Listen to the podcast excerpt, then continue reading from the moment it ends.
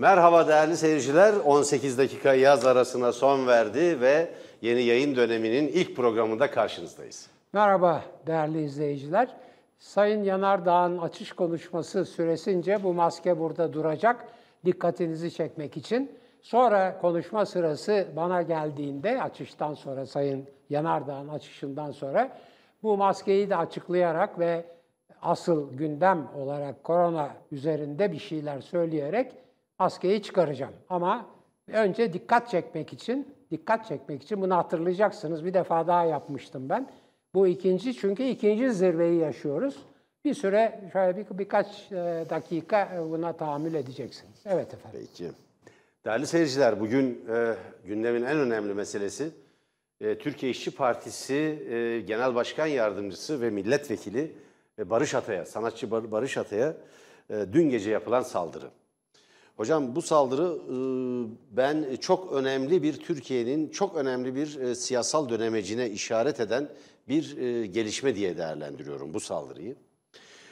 Çünkü bu saldırı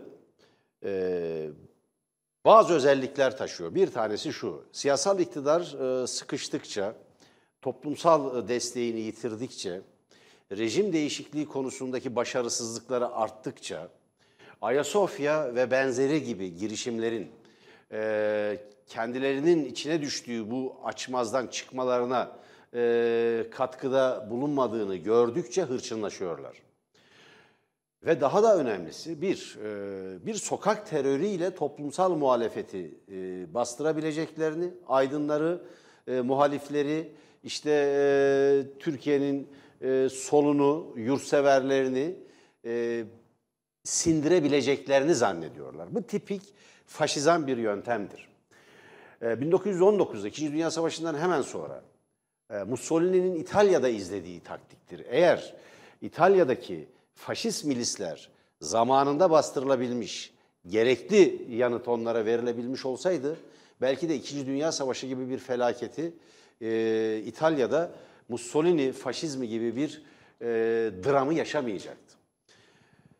Çünkü e, Mussolini'nin iktidara gelmesinden hemen önce e, İtalya'da çok geniş bir sol muhalefet var. Çok geniş bir Sosyalist Parti, Sosyal Demokrat Parti, Komünist Partisi ülkenin neredeyse %70'ine hakim. Yerel seçimleri almışlar, çok güçlüler, sendikalar çok güçlü, çok büyük sendikalar var filan. Benzer bir şey e, Almanya'da da var. Nazilerin iktidara tırmanışı sokak şiddetini yaygınlaştırmakla mümkün oluyor. Ve her iki e, par şeyde hareket de darbeyle iktidara gelmiyor. Çok iyi bilindiği gibi. Ne İtalya'da ne Almanya'da. Ve 20. 20. yüzyılın ortasında İtalya gibi görkemli bir Roma uygarlığının arkasını alan, önemli bir Rönesans birikimin arkasını alan, kültürün arkasını alan, Almanya gibi derin bir edebiyat ve felsefe geleneği olan, sağdan saysanız, soldan saysanız sayacağınız 10 felsefeciden, 10 e, büyük felsefeciden 8'i Almandır veya Almanca yazar, Almanca konuşur. Böyle olmasına karşın bu ülkelerde böyle ilkel, ırkçı, dışlayıcı ve faşist partilerin, güçlerin, bir siyasal akımın iktidara gelmesinin nedenlerinden biri etkili bir sokak şiddetidir. Öfkeli, sistemin dışladığı kalabalıkları e, örgütleme yeteneğine sahip bir faşist ideolojidir. Ben Türkiye'de benzer bir sürecin yaşandığını, Almanya ki İtalya'da ırkçı da değildir faşizm aslında. Bir tür e, daha doğrusu savaşçı bir takım gelenek, e, geleneklere yaslanmaya çalışır. Irkçılık arkasından gelir. Almanya'daki ırkçılık e, motifi gibi Türkiye'de de dinin bir e, faşizmin bir aracı olarak kullanılmak istendiğini düşünüyorum. Neden böyle? Çünkü Almanya'da Nazi terörü esas olarak esas olarak Hindenburg'un Alman Nazi Partisi oy kaybettiği bir dönemde Hitler'i şansölye, başbakan olarak atamasıyla başlıyor. Aslında büyük parti değil. Hala Hitler başbakan olduğu zaman en büyük parti Sosyal Demokrat Parti. ikinci parti Komünist Partisi. Böyle bir tablo var ortada neredeyse. Almanya'da e, ilk 1923'te 2,8 oy alan bir partiden söz ediyoruz. Tıpkı 12 Eylül'den sonra Türkiye'de İslamcı partilerin aldığı oylar gibi son derece sınırlı. Bu olay durum şu. Yani o kadar benz e, birçok benzerliği var. İçişleri Bakanı Süleyman Soylu. Biliyorsunuz hocam bir dram var. Batman'da bir e, kızımıza, bir 18 yaşındaki bir e, genç kadına bir tecavüz olayı yaşandı.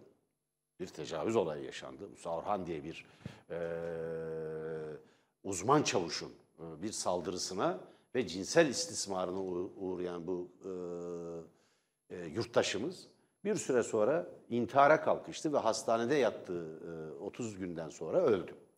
Bu olay Türkiye'de bir infial yarattı. Çok büyük bir tartışma yarattı. Buradan kaynaklanan İçişleri Bakanı ile bir polemik var. Şimdi ben inanmıyorum ki yani Türkiye'de İçişleri Bakanı ya bir tecavüzcüyü koruyor olamaz. Koruduğunu da söylemiyorum. Koruduğunu da söylemedi zaten. Ee, ölen kızcağızın e, İpek Er'in e, ailesinde bir polis olduğunu örnek göstererek zaten e, cenaze de bizim dedi. Fakat polis ailede bir- birisinin abisinin polis olması gerekmiyor cenazenin kendisinin İçişleri Bakanlığı'nın olması için. Ve e, memuriyetten kesin ihraç e, istemiyle e, ilgili kurula sevk edildi. Bugün de ihraç edildi. Dolayısıyla şunu söyleyemeyiz. Bunu kesinlikle ayırmak lazım. Türkiye Cumhuriyeti'nin İçişleri Bakanı ve İçişleri Bakanlığı'nın bir tecavüzcüyü koruduğunu söyleyemeyiz. Ve fakat bir şey var. Sayın Soylu bir tecavüz tartışmasında lafı döndürüp dolaştırıp PKK'ya, DHKPC gibi örgütlere getirdi. O olayı gündeme getirmek, o olayı tartıştırmak, onlara hizmet etmek demekmiş. PKK'nın eylemlerini unutturmak demekmiş. Şimdi bu lafın hani iler tutar bir yanı yok. Bu nedenle de biz bunu haberleştiriyoruz, bunun üzerine gidiyoruz diye Tele1 hakkında da suç duyurusunda bulunacaklarını söylediler. Biz Sayın Soylu'nun bu dramatik olay nedeniyle kalkıp bunu başka bir zemine çekmesinin dolaylı bir şekilde tecavüzcünün, o saldırganın ya da tecavüzcü olduğu ileri sürülen, hakkında güçlü iddialar olan bu kişinin kamu güçleri tarafından korunmasına yol açabilir diye uyardık. Nitekim öyle oldu, adam serbest bırakıldı. Bunu gündeme getiren, mecliste gündeme getiren milletvekili Barış Atay'a karşı da dün, ya önceki gün inanılmaz bir saldırı gerçekleştirdi tweetle. Asıl sen tecavüzcüsün, PKK bilmem nesi, destekçisi, DHKPC bilmem destekçisi. Senden tecavüzcü olur, kendine dikkat et, yakalanma gibi bir tweet attı ve aynı gün, aynı gece Barış Atay saldırıya uğradı. Değerli seyirciler, bu ülkede bir milletvekiline 5 kişilik bir sokak çetesi saldırdı. Olay bu, olay bu. Eğer bir milletvekiline bu ülkenin sokaklarında, İstanbul'da, Kadıköy'de saldırılıyorsa bu olay ciddidir. Bu saldırı hepimize, AKP gibi ve Süleyman Soylu gibi düşünmeyen herkese yapılmış demektir. Vahimdir, önemlidir. Bu ülkede iktidarın her türlü yol zorbalığa yol verme eğiliminde olduğunu ve bu yöndeki bütün iddiaları doğrulayıcı nitelikte bir tabloyla karşı karşıyayız. Büyük ölçüde doğrulayıcı diye. Böyle bir tabloyla karşı karşıyayız. Olay bu bakımdan vahimdir. Türkiye'nin yeni bir e, dönemece girdiği açık. Şimdi bir milletvekili, bir milletvekiline saldırı, muhalif bir milletvekiline saldırı. Sanatçıya siz beş kişiyle saldırıyorsunuz. Eğer İçişleri Bakanlığı o saldırganları hemen bulmazsa, çevrede bir sürü kamera var. Hemen yakalamazsa, hemen adalete teslim etmezse o sokak zorbalarını, o faşist çeteleri, o uzman çavuşun e, e, tecavüzünü eleştiren bir milletvekiline saldırmak, üstelik de ona vatan haini filan diyerek saldırıyorlar. Şimdi ucuzluk da burada. Tecavüzcüleri savunmak ne zamandan beri vatanseverlik oldu bunu birilerinin anlatması gerekiyor. Olay net. Vatan vatan haini olan tecavüzcüleri savunanlar ve bu nedenle bir milletvekiline saldıranlardır. İçişleri Bakanlığı derhal üzerindeki gölgeyi ortadan kaldırmak istiyorsa İçişleri Bakanı Sayın Süleyman Soylu derhal zanlıları yakalayıp adalete teslim etmelidir. Hocam bu ülkede insanların can ve mal güvenliğini sağlamakla, milletin huzurunu sağlamakla, huzur ve güvenliğini sağlamakla görevli bir bakanlıktan söz ediyoruz. Ve Sayın Soylu kalkıyor böyle bir tweet atıyor. Ya bu yakışır mı? Dikkat et yakalanma. Tweet de böyle. Buyurun hocam. Evet. Şimdi değerli izleyiciler, e, Biraz uzattım hocam kusura bakmayın. rica ederim. Çok sıcak bir olay ve dün gece Doğru. gel, gelişti bugün gündemde. ve en siz zaten olay. 4, 4 soru 4 yanıt geleneğinden geliyorsunuz. Onun için e, yani üstelik de çok güzel anlattınız yani şey değil. Şimdi değerli izleyiciler, e, yaklaşık bir buçuk aylık bir aradan sonra gelirken tahmin edersiniz ki e, sadece bugün değil tabii, e, hafta sonundan beri, cumadan beri bu açılış programına kendimi hazırlıyorum. E, nasıl hazırlıyorum? Bir buçuk ay evvel bıraktığımız Türkiye nasıldı ve bugünkü Türkiye nasıl ve ben bunu nasıl değerli izleyicilerimize aktaracağım. Şimdi e, önce çok basit bir tehlike, daha doğrusu iki tehlikeden söz edeyim.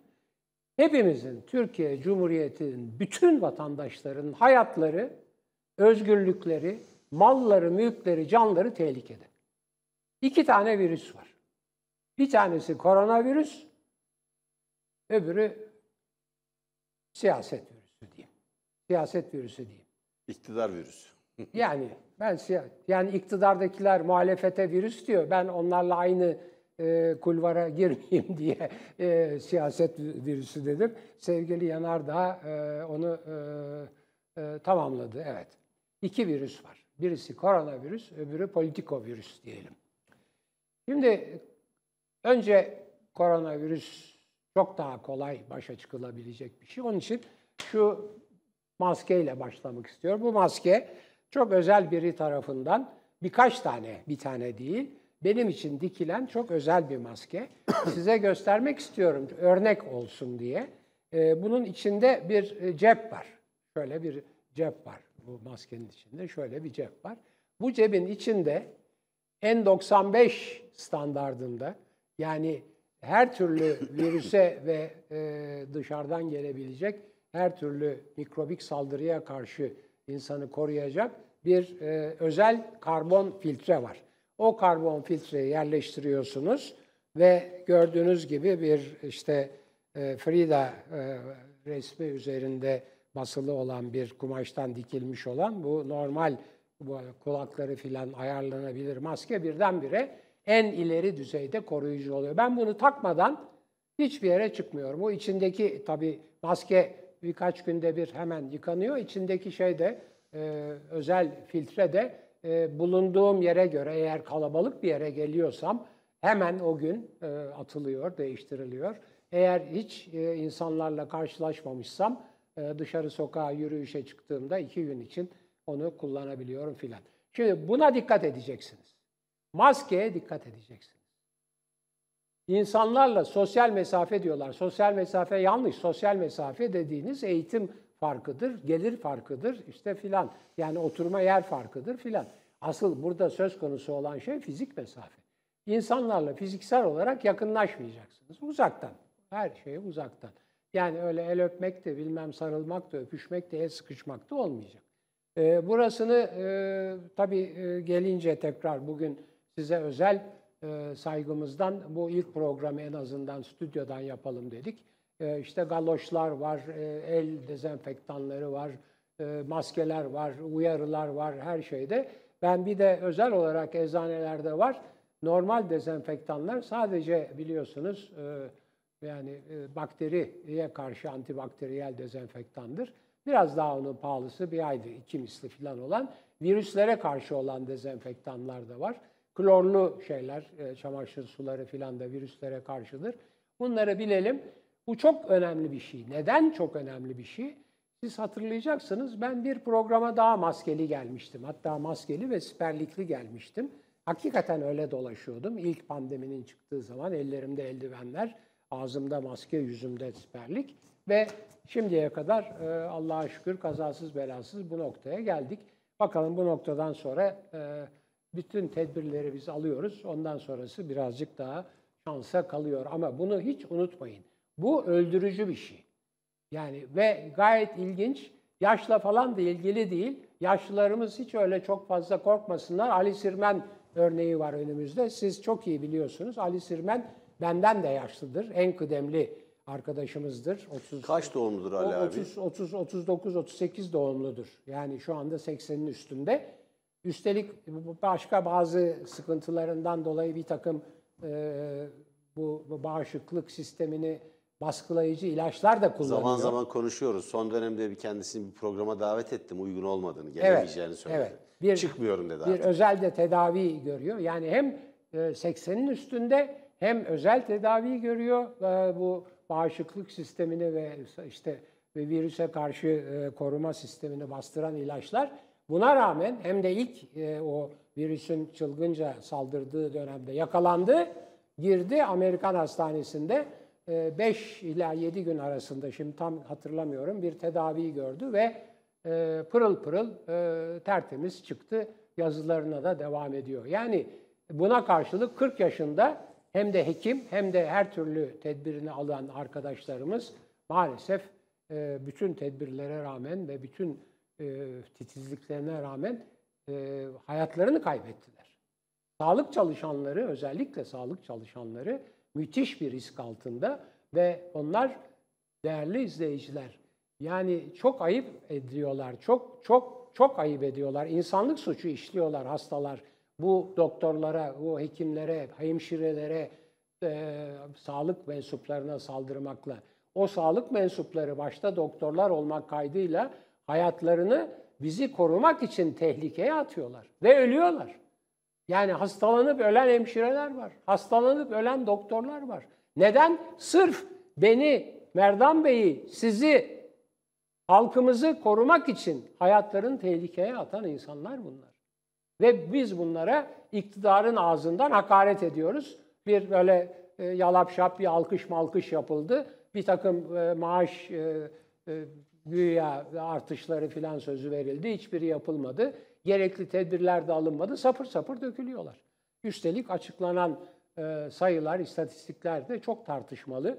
Yani e, bütün e, artık resmi makamlar, kendi resmi makamları, valiler, belediye başkanları farklı sayılar koyuyorlar filan.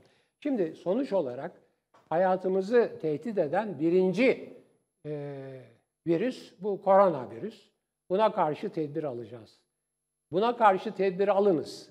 Yaşlıları özel olarak evlere kapatmayınız. Hiçbir anlamı yok. E, Çünkü Türk kültüründe İstanbul belki öyle değil. Belki Ankara, İstanbul, İzmir öyle değil. Yalnız yaşayan yaşlılar var. Ama Türk kültüründe geniş aile diye bir şey var. Ailenin en yaşlısı onun kızının, oğlunun vesairesinin evinde oturuyor. Tek başına değil zaten. Karısıyla, kocasıyla veya çocuğuyla, çoluğuyla, evladıyla, torunuyla. Zaten geniş aile. O ailenin üyeleri sokağa çıkıp geliyor, gündelik işe gidiyor. Bana gelen e, şeyleri görseniz e, hem mektupları hem sosyal medyadan gelen 65 şeyleri. yaş üstüne uygulanan bu sokağa çıkma yasağı giderek bir zulme dönüştü. Aynen. Giderek bir zulme dönüştü gerçekten. Çok ciddi bir ayrımcılık var ve bir zulüme dönüştü. Ve benim söylediğim sebepten hiçbir anlamı da yok. Çünkü içeri tıkıyorsunuz, hapsediyorsunuz 65 yaşı üstünü. Çoluğu, çocuğu, torunu sokakta e, bilya oynuyor, oğlu işe gidiyor. 30 kişinin olduğu iş yerinde çalışıp geliyor. E, gelini, kızı bilmem e, dışarıdan e, alışveriş yapıyor. Alt takke verküla e, pazar yerinden geliyor. Hiçbir anlamı yok. Çünkü yapı öyle. Ondan sonra düğünler filan işte malum. Şimdi değerli izleyiciler, dolayısıyla maalesef bir buçuk ay önce Tür- Türkiye'den sevgili Merdan Yanardağ bıraktığım Türkiye koronavirüs yani ölüm tehlikesi arz eden koronavirüs açısından daha kötü noktada. Daha kötü noktada. Maalesef. Maalesef Daha iyi olması gerekiyor. daha iyi olması gerekirken yani bir pırıl pırıl belki maskesiz filan gelebileceğimiz bir Türkiye'de stüdyoda rahat e, program yapmayı umut ederken 1 Eylül itibarıyla ki yarın işte o 31 Ağustos maalesef çok daha kötü koşullara geldik. Şimdi bu birinci ölüm tehlikesi. İkinci ölüm tehlikesi daha felaket. Yani politika virüs diyeceğim ben ona. Yani bir ülkede bir ülkeyi seçilmişler değil de bir defa atanmışlar yönetiyor. Şimdi biliyor musunuz Sayın, Sayın Cum- Soylu atanmış mesela. Sayın Cumhurbaşkanı Sayın Cumhurbaşkanı hastalansa, seyahate falan çıksa yerine kim vekalet edecek biliyor musunuz? Eski anayasaya göre seçilmiş bir meclis başkanı vekalet ederdi. Şimdi yeni anayasaya göre Cumhurbaşkanı vekili vekalet ediyor. Kim biliyor musunuz Cumhurbaşkanı vekili? Cumhurbaşkanının atadığı bir memur. Küçümsemek için söylemiyorum. Pek çok memur, pek çok memur, bunu yazdım da ben, pek çok seçilmişten fersah fersah ileridir. Çok daha e, verimlidir, çok daha bilgilidir, çok daha güvenilirdir ve çok daha iyi iş yapar. Gerisinde, geçmişinde bir kariyer, geçilmiş sınavlar, verilmiş sınavlar efendim e, vesaire vesaire var. Bir deneyim vardır. Bir deneyim var ama, ama nihayetinde memurdur. Atanmış bir memurdur, seçilmiş değildir. Yani Cumhurbaşkanlığı bir makamından ayrılsa bizi bir atanmış kişi yönetecek ve yasama yapma yetkisiyle yönetecek. O bir yana. Şimdi Sayın Yanardağ'ın e, haklı olarak yana yakıla anlattığı olaydaki İçişleri Bakanı atanmış bir memurdur. Seçilmiş bir milletvekilliğinden gelen bir kişi değildir. Bir. iki daha önemli bir özelliği var. Zamanında bir muhalefet partisinin genel başkanıdır. Demokrat Parti'nin genel başkanıdır ve benim mesela şimdi tekrarlayamayacağım hem nezaketimden hem terbiyemden hem utancımdan hem de belki de yasal olarak suç olabileceğinden dolayı tekrarlayamayacağım sıfatlarla Sayın Cumhurbaşkanı'na ve AKP'ye ve iktidara saldırmış bir politikacıdır. Şimdi bu zat parti değiştirip dönüp muhalefetin bir partisinin genel başkanlığından iktidar partisinin İçişleri Bakanlığı koltuğuna oturup hata üstüne hata yapmaktadır. Pek çok hatası var ama ben bir tanesini hatırlatayım. İlk sokağa çıkma yasağı yani karantina gece saat 12'de ilan edilen karantinayı gece saat 10'da bildirdi.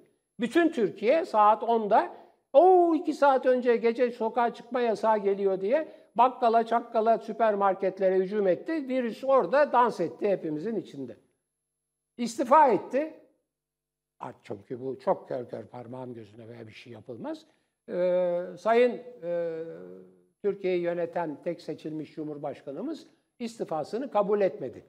Ee, o arada bir takım saray dedikoduları var. İşte yok e, şu e, kişiyle bu kişi arasında bir takım nüfuz e, tartışmaları var. Şimdi birazdan ben eminim Sayın Yanardağ dayanamayacak, kesecek.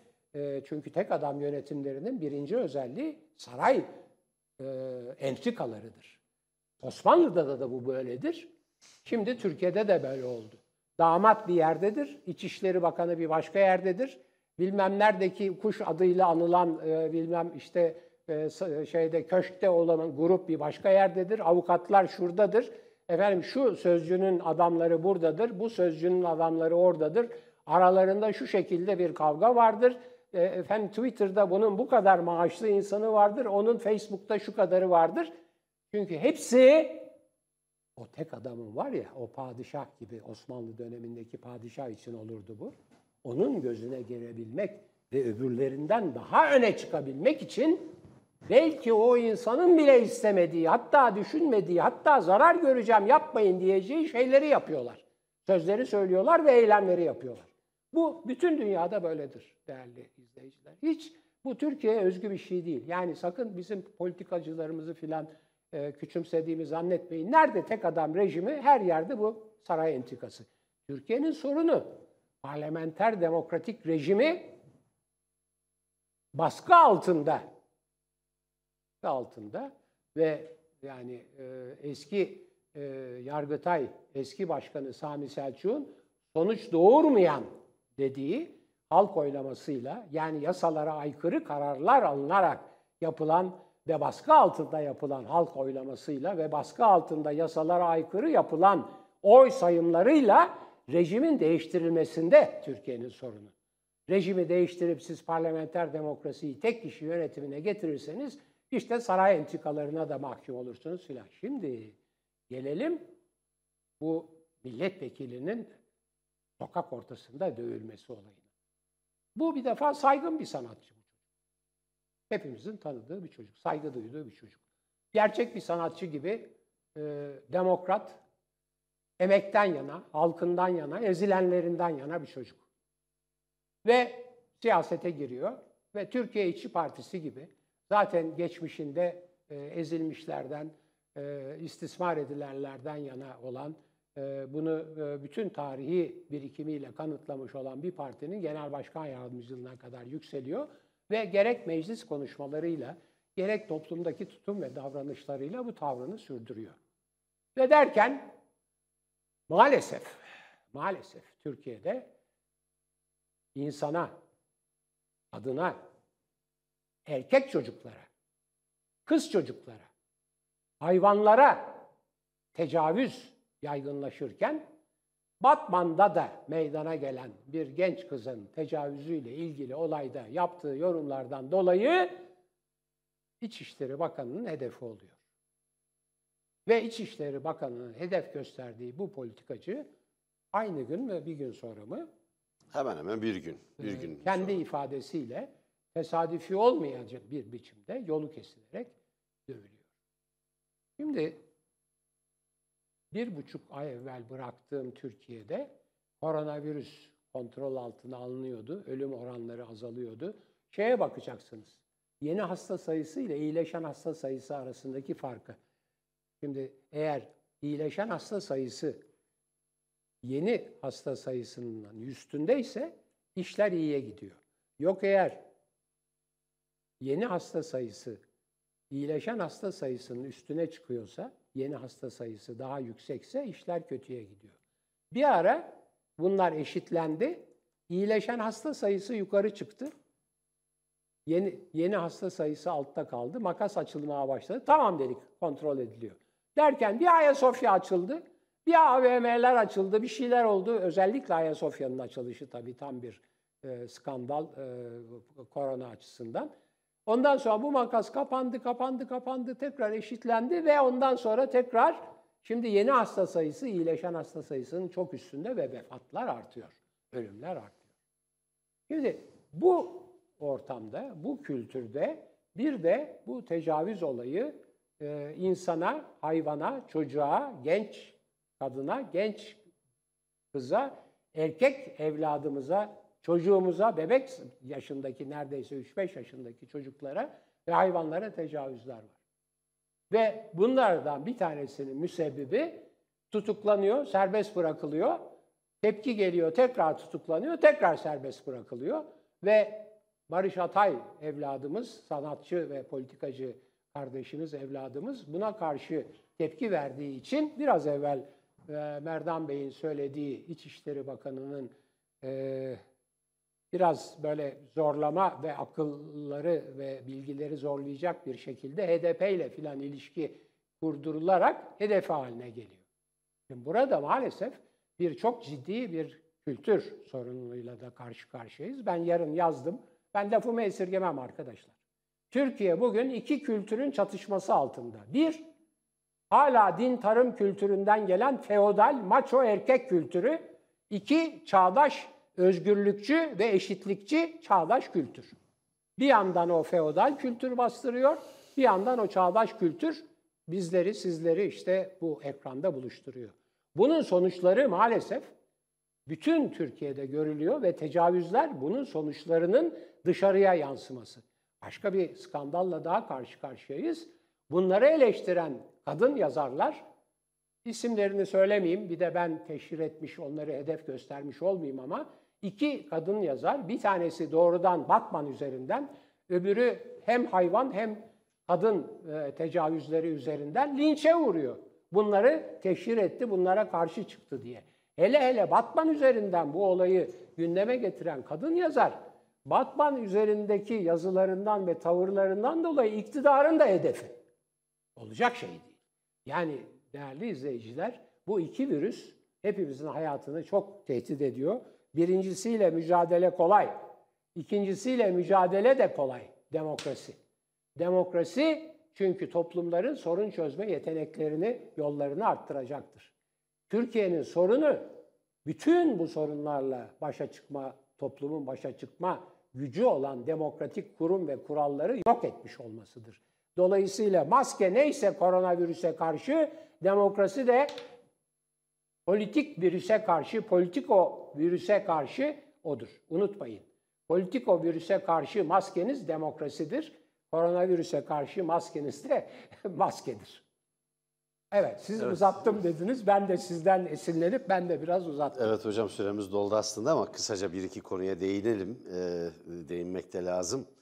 Şimdi e, dün biz 30 Ağustos özel yayını yaptık. Ee, Çok güzel bir yayındı. Çok teşekkür ederim hocam. Bütün arkadaşların ellerine sağlık. Evet.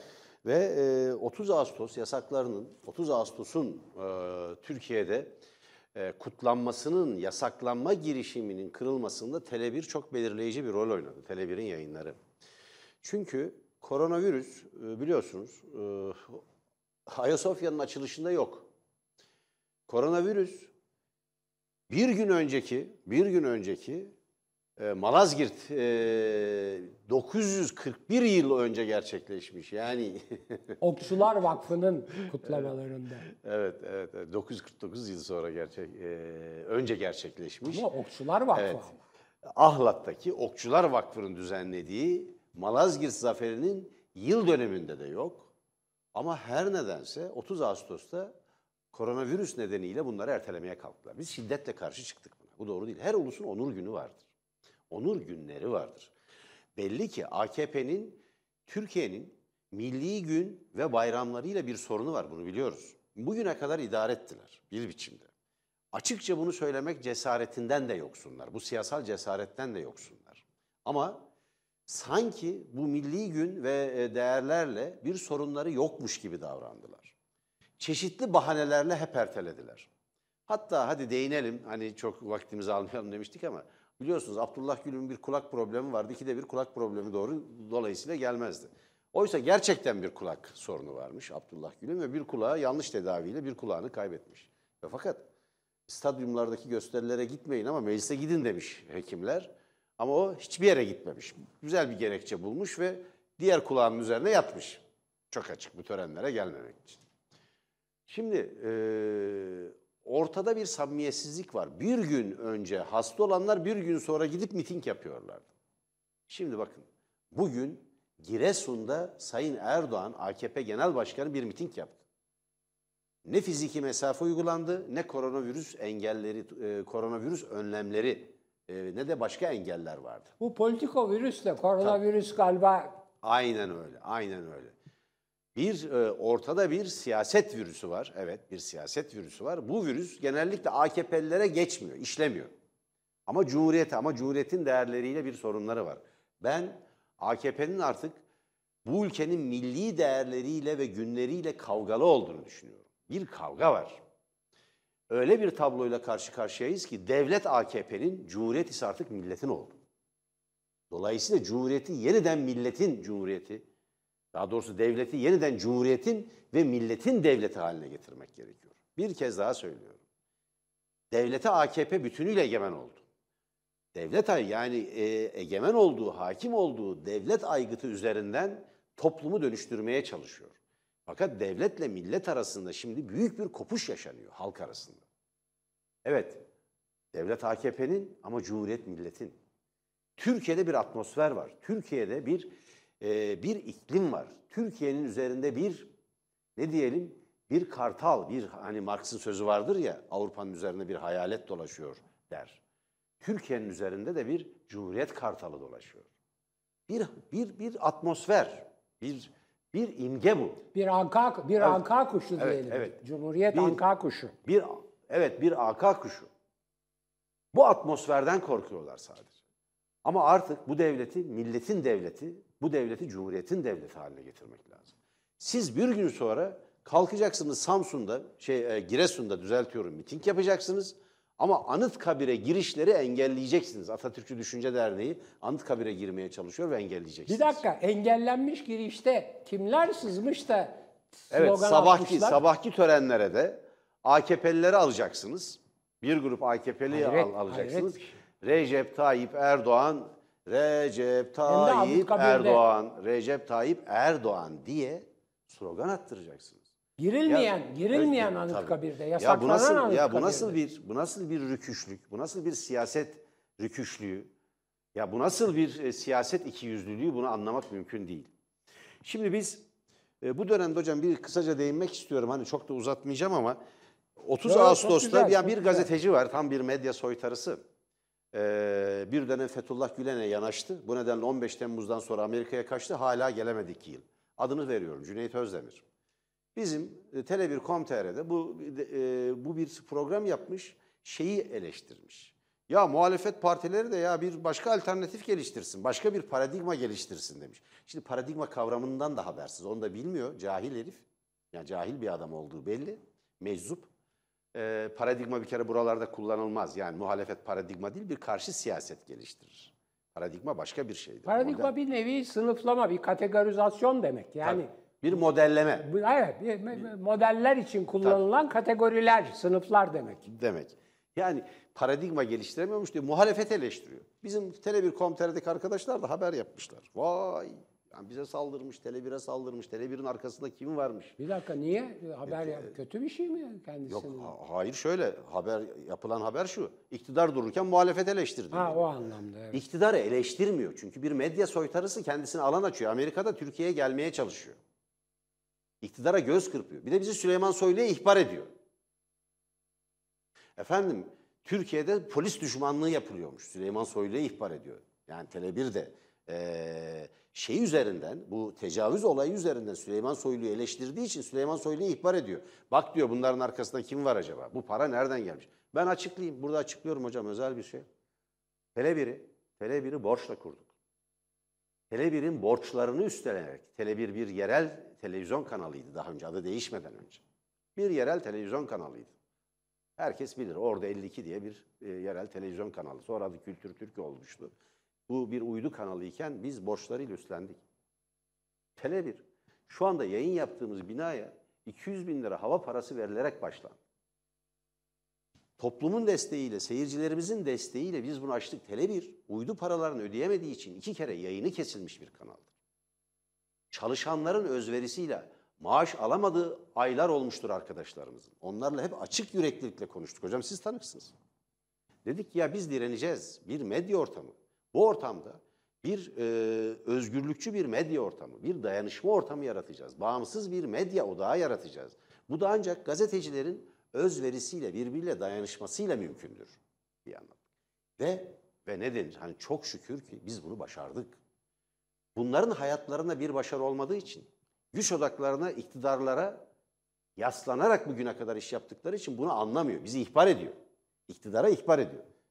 Bu kadar. Sonra bugün de daha önceki bir benim yurt çal- çalıştığım kurucusu ve genel yayın yönetmeni olduğum yurt gazetesi sahibinin ki bir sahtekar ve bir dolandırıcıdır. Çalışanları dolandırmış bir adamdır.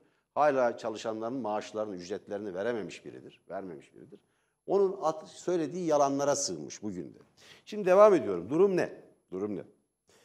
30 Ağustos'ta iktidar değil, muhalefet eleştiriliyorsa burada bir sorun var. Yasaklayan iktidar. Muhalefette e, yandaş gazeteci olur mu hocam? Eviniz mi basılacak? Tutuklanacak mısınız? Mesela HDP yandaşı gazeteci olmak ne demek Allah aşkına? Bu size ne kazandırıyor? Tehlike kazandırıyor. Risk var ya. CHP'li gazeteci olmak ne demek? Riskiniz var. Muhalif gazeteci olmak ne demek? Riskiniz var. Ya dayak, dayak Hayır saldırı. Ha, Hocam Saldırıya öldürülebilirsiniz. Saldırıya uğrama ihtimaliniz var. Tutuklanma ihtimaliniz var. Bakın Murat Ağarel Tele1'in programcılarından biridir. Yeni Çağ yazarı. Barış Pehlivan, Barış Terkoğlu daha yeni Barış e, Terkoğlu e, tahliye edildi. Barış Pehlivan tutuklu. Hala tutuklu. Murat Ağarel hala tutuklu. Muhalefetten yana olmak, yani bu med- medya soytarısının Cüneyt Özdemir'in anlayamayacağı bir şeydir. Yani felsefi ve siyasal tercihlerinin iktidardan farklı olmasına yandaşlık diyor. Kendi yandaşlığını örtmek için. Bu kadar soytarı. Bir iki şey daha söyleyeceğim. FETÖ yanaşması bu. Fethullah Gülen'i Pansilvanya'da ziyaret ettiği zaman ben Fethullahçı çeteyle mücadele ettiğim zaman hapis yatıyordum. Ne olmuş hocam orada biliyor musunuz? Altın kol saati hediye etmiş. Fethullah Gülen bu Cüneyt Özdemir denilen soytarıya. Şimdi değerli seyirciler bu soytarıların dönemi kapandı. Bunların dönemi kapandı. Bütün dertleri bu. Amerika'da hala video yayın yapıyor ya. Sonra da Twitter üzerinden e, dezenformasyon yayınlıyor. Niye niye 15 Temmuz'dan sonra kaçtığını sormak lazım. Niye kaçtı gerçekten? Ve niye gelemiyor? Niye gelemiyor? Şimdi bunları merak etmiş. Ben de dedim ki ya düşündüm. Ya bunu Twitter'da falan açıklamak yerine Tele1'in nasıl kurulduğunu anlatalım. Evet, dostlarımızın katkısıyla Aldığımız borçlarla bunları ödüyoruz, ödedik de. Ve daha da önemlisi seyircilerimizin desteğiyle ve sponsorluğuyla yoluna devam eden bir televizyon kanalıdır. Çok iyi biliyorsunuz hocam. Dünyada tek bir modeldir bu. İzleyicilerin desteğiyle tıpkı açık radyo gibi. Açık radyoda biliyorsunuz dinleyici sponsorluğu vardır. İnsanlar programlara sponsor olurlar. Desteğiyle yoluna devam eden bir televizyon kanalı. Ya Şimdi yani bu kaç- soytarıların zamanı geçti. Ha, 4 yıldır değil mi bu? 4 Tabii yıl. tabii üç buçuk yıldır, üç buçuk yıldır öyle. 2017. Üç kere yayınımız kesildi parasını ödeyemediğimiz Ocak, için. Ocak, 9 Ve Ocak 2017. Tabii.